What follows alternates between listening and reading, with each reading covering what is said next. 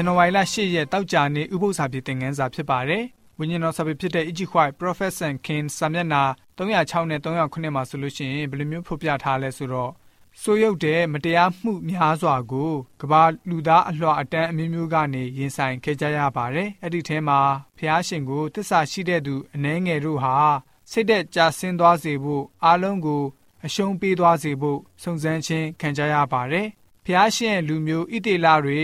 ကြဆုံးရမဲ့တော်လန်ပုံကံမှုကိုပြုပြီးတော့တောတုံနဲ့ဂေါမောရလိုဖြစ်ရမယ်လို့မြင်တတ်ကြပါတယ်။အဲ့လိုမျိုးသောအခြေအနေမျိုးနဲ့ကြုံဆုံလာရပြီဆိုလို့ရှိရင်တော့ကျွန်တော်တို့အံ့ဩဖို့မလိုပါဘူး။အော်စီမင်းကြီးရဲ့အုပ်ဆိုးခြင်းနေ့ရဲ့အဆုံးပိုင်းကလေးမှာဟေရှာယကိုဖျားရှင်ရွေးကောက်တော်မူပြီးတော့မိမိရဲ့လူမျိုးတွေကိုအရှင်းလင်းဆုံးတတိပေးစေခဲ့ပါတယ်။သူဟာတွန့်ဆုတ်ခဲ့တဲ့ဆန့်ကျင်မှုကိုရင်ဆိုင်ရမှာကတော့သူကောင်းစွာသိထားပါတယ်။ ကောင်းပါတဲ့နှလုံးခိုင်ခန့်တဲ့လူမျိုးတွေကိုတတိပေးဖို့ဟေရှာယဟာမိမိမှာရှိတဲ့အရေးအချင်းအခြေအနေကိုသဘောပေါက်ထားပါတယ်။ဒါကြောင့်သူ့ရဲ့လွတ်ဆောင်ရမယ့်တာဝန်ကတော့မျောလင်းချက်မရှိတော့ပါဘူးယူဒပြည်ကိုခြေစုံကန်ပြီးရုတ်တုကိုးကွယ်တဲ့နိုင်ငံဖြစ်ခြင်းဖြစ်ပါစေပေးတဲ့တာဝန်ကိုမယူနိုင်ဘူးလို့သတ်မှတ်မှာလားကောင်းကင်ဘုံအရှင်ထာဝရဘုရားသခင်ကိုပမာမခန့်ပြုပြီးတော့နိနဝေရဲ့နတ်ဖျားတွေဟာကဘာကို ကြီးစိုးခွင့်ပြုမှာလားဆိုပြီးတော့ ဝိညာဉ်တော်စာပေဖော်ပြခြင်းအဖြစ်တောက်ကြနေဥပု္ပ္ပစာဖြစ်တဲ့ငန်းစာကဖော်ပြပေးထားပါတယ်ဥပု္ပ္ပစာဖြစ်တဲ့ငန်းစာနှစ်ကတော့ဒီလောက်ပဲဖြစ်ပါတယ်